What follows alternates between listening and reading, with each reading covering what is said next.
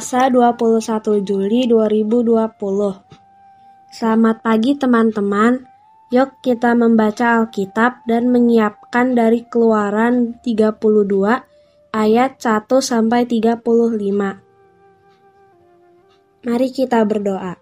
Tuhan Yesus, saat ini kami akan membaca firman-Mu.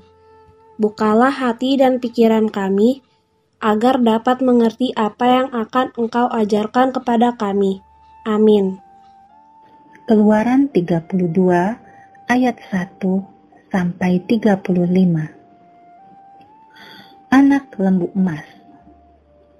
Ketika bangsa itu melihat bahwa Musa mengundur-undurkan turun dari gunung itu, maka berkumpullah mereka mengerumuni Harun dan berkata kepadanya, Mari, buatlah untuk kami Allah yang akan berjalan di depan kami. Sebab Musa ini, orang yang telah memimpin kami keluar dari tanah Mesir, kami tidak tahu apa yang telah terjadi dengan dia. Lalu berkatalah Harun kepada mereka, Tanggalkanlah anting-anting emas yang ada pada telinga istrimu, anakmu laki-laki dan perempuan, dan bawalah semuanya kepadaku Lalu seluruh bangsa itu menanggalkan anting-anting emas yang ada pada telinga mereka dan membawanya kepada Harun. Diterimanya itu dari tangan mereka, dibentuklah dengan pahat dan dibuatnyalah daripadanya anak lembu tuangan. Kemudian berkatalah mereka, Hai Israel, inilah Allahmu yang telah menuntun engkau keluar dari tanah Mesir. Ketika Harun melihat itu, didirikannya mesbah di depan anak lembu itu. Berserulah Harun, katanya, besok hari raya bagi Tuhan.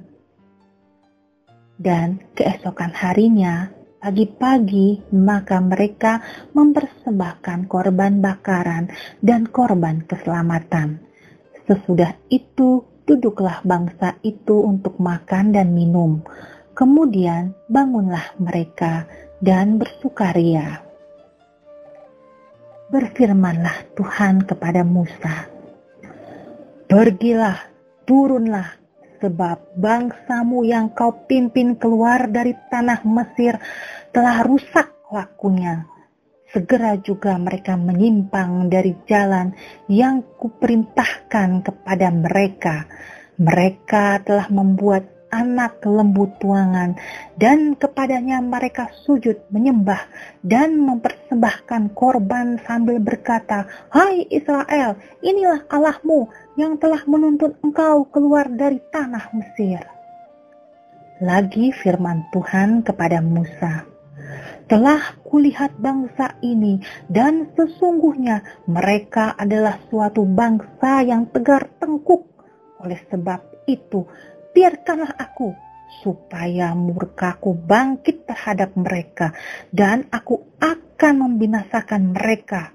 Tetapi engkau akan kubuat menjadi bangsa yang besar. Lalu Musa mencoba melunakkan hati Tuhan Allahnya dengan berkata, Mengapakah Tuhan murkamu bangkit terhadap umatmu yang telah kau bawa keluar dari tanah Mesir dengan kekuatan yang besar dan dengan tangan yang kuat?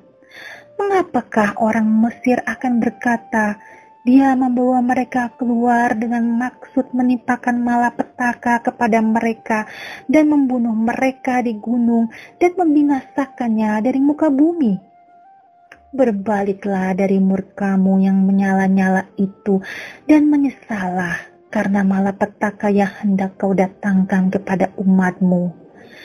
Ingatlah kepada Abraham, Ishak, dan Israel, hamba-hambamu itu, sebab kepada mereka engkau telah bersumpah demi dirimu sendiri dan berfirman kepada mereka, Aku akan membuat keturunanmu sebanyak bintang di langit, dan seluruh negeri yang telah kujanjikan ini akan kuberikan kepada keturunanmu, supaya dimilikinya untuk selama-lamanya.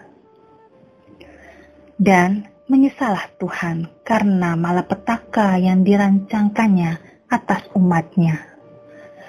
Setelah itu berpalinglah Musa.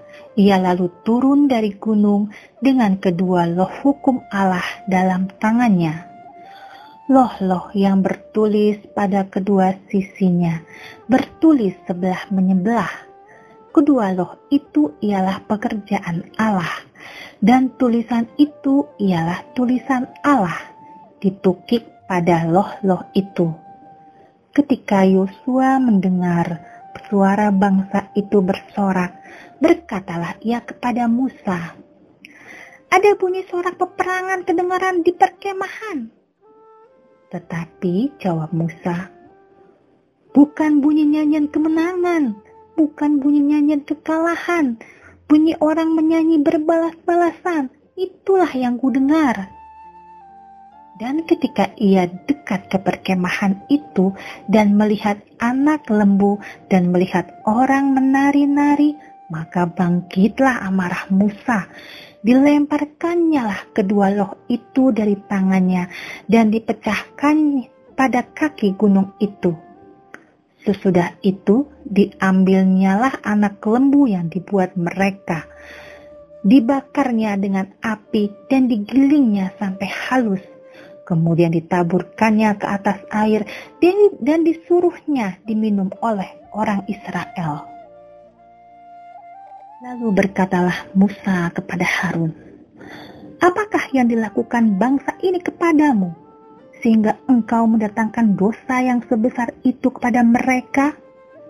Tetapi jawab Harun, Janganlah bangkit amarah tuanku, engkau sendiri tahu bahwa bangsa ini jahat semata-mata.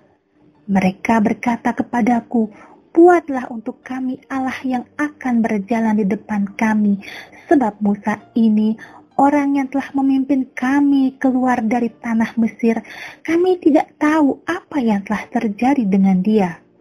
Lalu aku berkata kepada mereka, Siapa yang punya emas haruslah menanggalkannya. Maka mereka memberikannya kepadaku dan aku melemparkannya ke dalam api dan keluarlah anak lembu ini.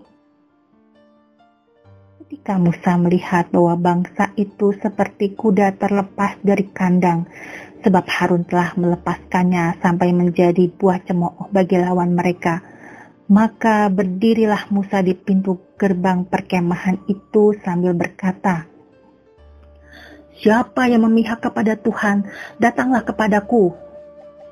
Lalu berkumpullah kepadanya seluruh Bani Lewi. Berkatalah ia kepada mereka, Beginilah firman Tuhan Allah Israel. Baiklah, kamu masing-masing mengikatkan pedangnya pada pinggangnya, dan berjalanlah kian kemari melalui perkemahan itu dari pintu gerbang ke pintu gerbang dan biarlah masing-masing membunuh saudaranya dan temannya dan tetangganya. Bani Lewi melakukan seperti yang dikatakan Musa dan pada hari itu tewaslah kira-kira 3000 orang dari bangsa itu. Kemudian berkatalah Musa, Baktikanlah dirimu mulai hari ini kepada Tuhan, masing-masing dengan membayarkan jiwa anaknya laki-laki dan saudaranya, yakni supaya kamu diberi berkat pada hari ini. Keesokan harinya, berkatalah Musa kepada bangsa itu, "Kamu ini telah berbuat dosa besar, tetapi sekarang aku akan naik menghadap Tuhan." mungkin aku akan mengadakan pendamaian karena dosamu itu.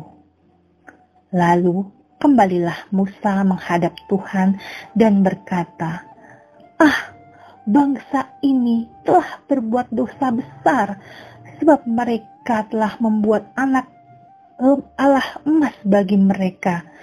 Tetapi sekarang kiranya engkau mengampuni dosa mereka itu dan jika tidak hapuskanlah kiranya namaku dari dalam kitab yang telah kau tulis. Tetapi Tuhan berfirman kepada Musa, Siapa yang berdosa kepadaku, nama orang itulah yang akan kuhapus dari dalam kitabku. Tetapi pergilah sekarang, tuntunlah bangsa itu ke tempat yang telah kusebutkan kepadamu.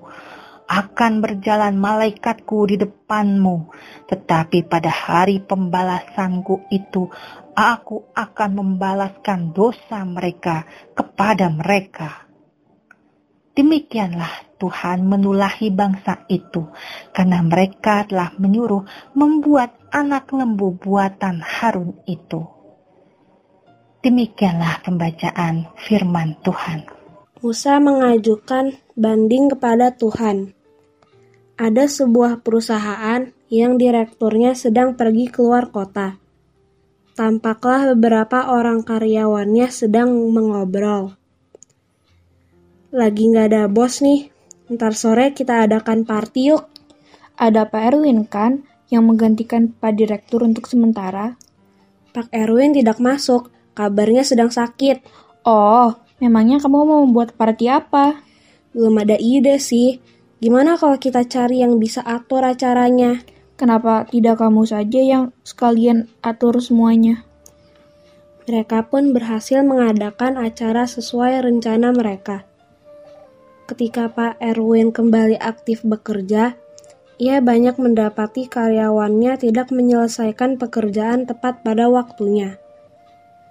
Pak Erwin sangat kesal sehingga ia harus membuat peraturan yang lebih keras untuk menutupi kerugian perusahaan agar sang pemilik perusahaan tidak marah ketika ia kembali. Teman-teman, apa yang dapat dipelajari dari bacaan kita kali ini dan cerita di atas? Yang baiknya apa? Yang tidak baiknya apa? Apa yang akan teman-teman lakukan jika papa dan mama kalian tidak ada di rumah? Bila teman-teman sudah menjawab pertanyaan di atas, yuk kita berdoa. Bapa di surga, sering kali kami menyepelekan tanggung jawab karena merasa tidak ada yang patut diteladani. Karena itu, layakkanlah kami untuk menjadi teladan bagi sesama kami. Dalam nama Tuhan Yesus, amin. Dengan pembacaan Alkitab pagi ini, yuk teman-teman kita berjanji untuk mau menjadi kebanggaan bagi Tuhan.